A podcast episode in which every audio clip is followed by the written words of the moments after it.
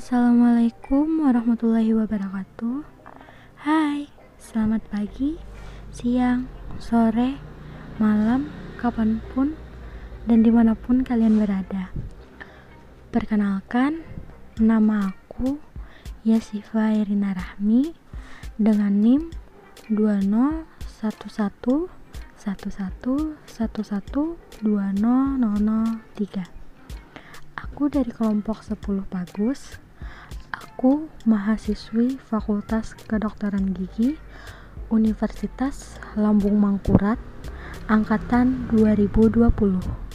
Ini itu podcast pertama aku. Di sini mungkin kita sedikit cerita-cerita aja ya. Saling berbagi pengalaman aja sekarang ini kan kita lagi mengalami pandemi ya lagi pandemi yang lagi booming-boomingnya itu yaitu COVID-19 yang menggemparkan seluruh dunia termasuk di Indonesia dan termasuk juga di provinsi kita yaitu Kalimantan Selatan. Awalnya aku tahu pandemi ini dari temanku yang membuka Instagram saat kami ngumpul-ngumpul bareng. Di sana aku kurang percaya karena itu dari media sosial. Kan sekarang itu lagi hoax itu kan merajalela. Terus seiring berjalannya waktu, ternyata covid ini beneran ada dan itu sudah ada di mana-mana. Sampai masuk berita TV dan awal-awal itu aku sangat merasa takut akan wabah ini. Yang awalnya beraktivitas di luar itu secara biasa-biasa saja.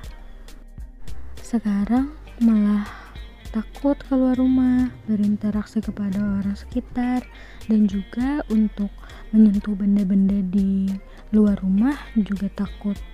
Nah, kita diajarkan untuk menjaga kesehatan selama pandemi ini.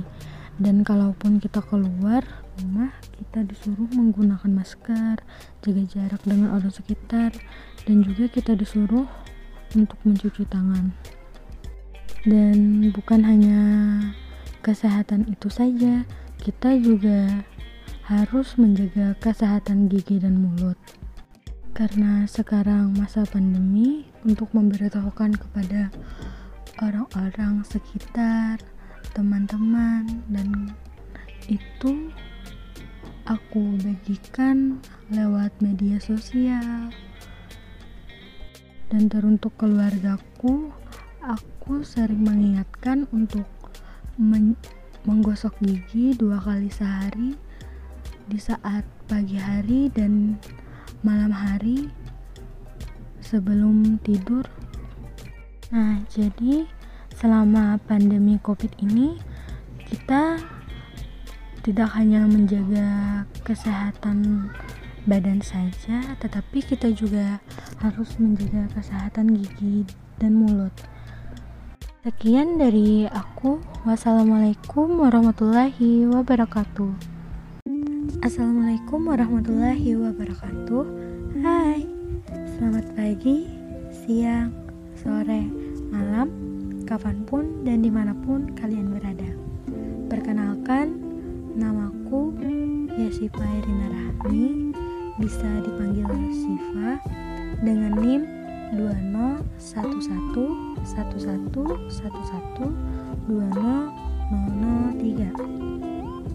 Aku dari kelompok 10 bagus mahasiswi kedokteran gigi Universitas Lambung Mangkurat angkatan 2020 selamat datang di podcastku yang kedua. Jadi kali ini aku akan membahas tentang BEM dan DPM. Yang pertama dari DPM dulu. Jadi, DPM itu singkatan dari Dewan Perwakilan Mahasiswa Nah, DPM ini menjalankan fungsi sebagai pengawas dan pengontrol terhadap kebijakan BEM dan BSO. Nah, lanjut. Jadi, DPM ini memiliki beberapa komisi.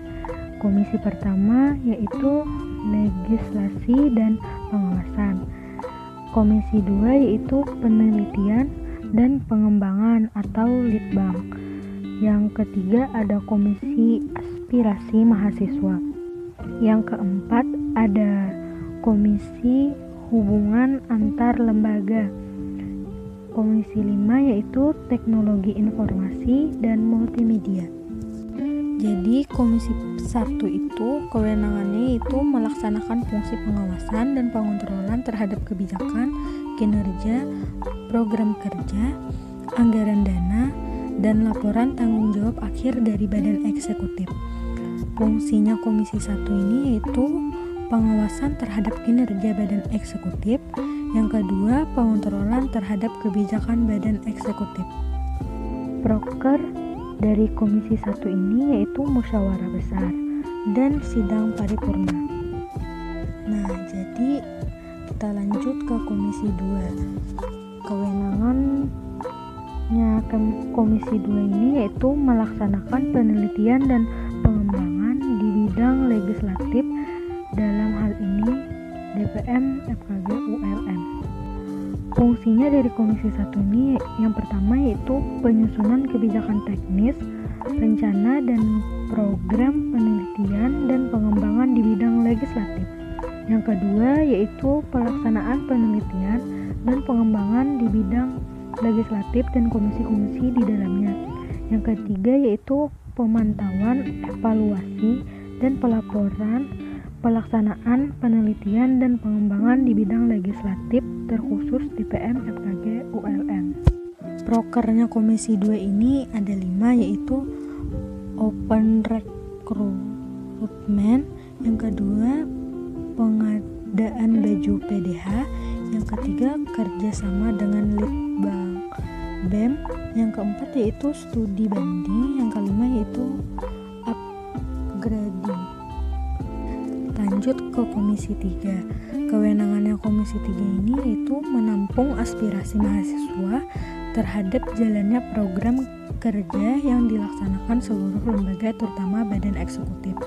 Fungsinya Komisi 3 ini yaitu yang pertama menampung aspirasi seluruh mahasiswa, yang kedua memberikan hasil dari seluruh aspirasi kepada badan eksekutif untuk dilakukan evaluasi dan perbaikan.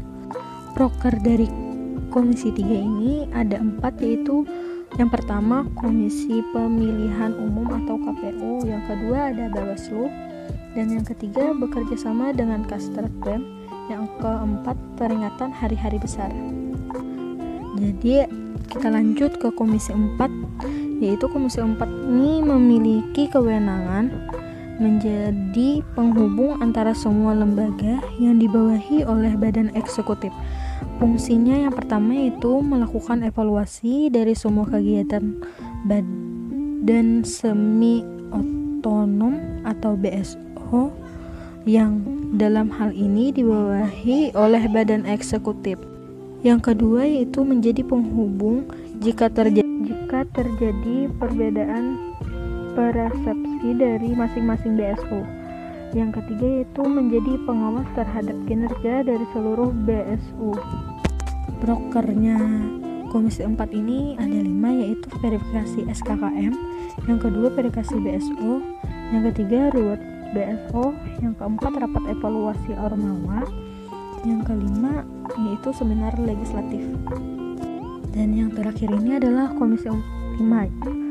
Jadi Komisi 5 ini kewenangannya itu menjadikan sarana pengembangan dari badan legislatif yang berlandaskan teknologi dan multimedia dalam hal pemberian informasi kepada seluruh mahasiswa. Fungsinya Komisi 5 ini yang pertama adalah sebagai sarana pendataan semua informasi dalam lingkup fakultas maupun universitas yang kedua yaitu sebagai sarana pemberian informasi tentang pencapaian dan prestasi dari mahasiswa FKG ULM. Yang ketiga yaitu sebagai sarana pengembangan teknologi dalam seluruh kegiatan keorganisasian dan program kerja di badan legislatif. Prokernya Komisi 5 ini ada enam. Yang pertama itu Dance Tulis FKG, yang kedua ada DNN FKG, yang ketiga ada seminar mahasiswa, yang keempat ada pengarsipan data DPM, yang kelima ada desain grafis, yang keenam ada prom online. Nah jadi kita lanjut ke pembahasan BEM BEM itu kepanjangan dari Badan Eksekutif Mahasiswa yang mana BEM ini adalah organisasi mahasiswa intrakampus yang merupakan lembaga eksekutif di tingkat universitas. BEM ini memiliki inti yang mana ada ketua, wakil ketua, sekretaris satu, sekretaris 2, bendahara 1, dan bendahara 2. BEM ini memiliki 6 departemen dan 2 biro. Yang pertama yaitu Departemen Interna. Program kerjanya yaitu musyawarah besar, rapat kerja organisasi, organ, rapat kerja organisasi mahasiswa, Disnatalis ke-11 dan STMJ. Selanjutnya DPR departemen kedua yaitu pengembangan sumber daya mahasiswa atau PSDM. Program kerjanya adalah Obrek, PKKMB, KKMMTD, dan Diklat Ormawa. Kegiatannya yaitu BSO. Terus departemen ketiga yaitu Penmas. Program kerjanya yaitu W OHD, School Visit LKKMTD, Baksos Angkatan, School Visit Angkatan, Baksos BEM, dan pengumpulan sumbangan. Departemen Eksterna yaitu program kerjanya Tryout, Sinus, dan Dentin. Departemen selanjutnya itu ada Kastrat, Nah, departemen ini mengurusi kajian-kajian dan advokasi. Terus ada Departemen Informasi dan Komunikasi mengurusi media sosial, mading, dan sister. Terus ada Biro Likbang. Nah, Biro Likbang ini mengurusi kegiatan database story dan dan story. Dan yang terakhir ada Biro Danus. Nah Biro Danus ini mengurusi katalog dana dan usaha yang berupa akun Instagram dan wirausaha.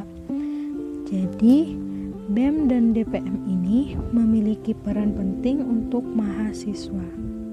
Sekian podcast dari saya. Wassalamualaikum warahmatullahi wabarakatuh.